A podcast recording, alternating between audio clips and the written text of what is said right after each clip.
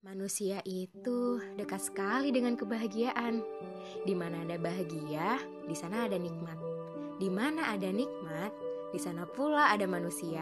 Maka inilah yang selalu dicari. Tidak jarang orang berkelana menghabiskan banyak waktu, bahkan biaya untuk bisa mendapatkan nikmat.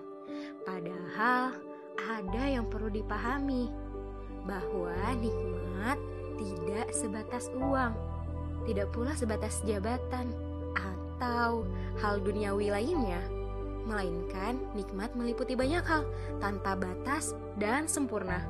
Seperti yang Allah Subhanahu wa taala jelaskan dalam potongan surat Luqman ayat ke-20. Tidakkah kamu memperhatikan bahwa Allah telah menundukkan apa yang ada di langit dan apa yang ada di bumi untuk kepentinganmu dan menyempurnakan nikmatnya untukmu lahir dan batin.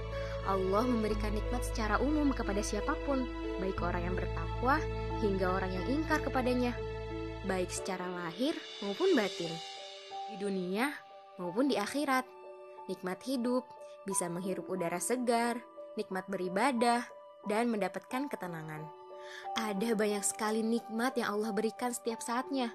Dengan sifat Ar-Rahman, dia tidak pernah meminta manusia untuk menghitung atau membalas, melainkan cukup bersyukur kepadanya. Sudahkah kamu bersyukur hari ini?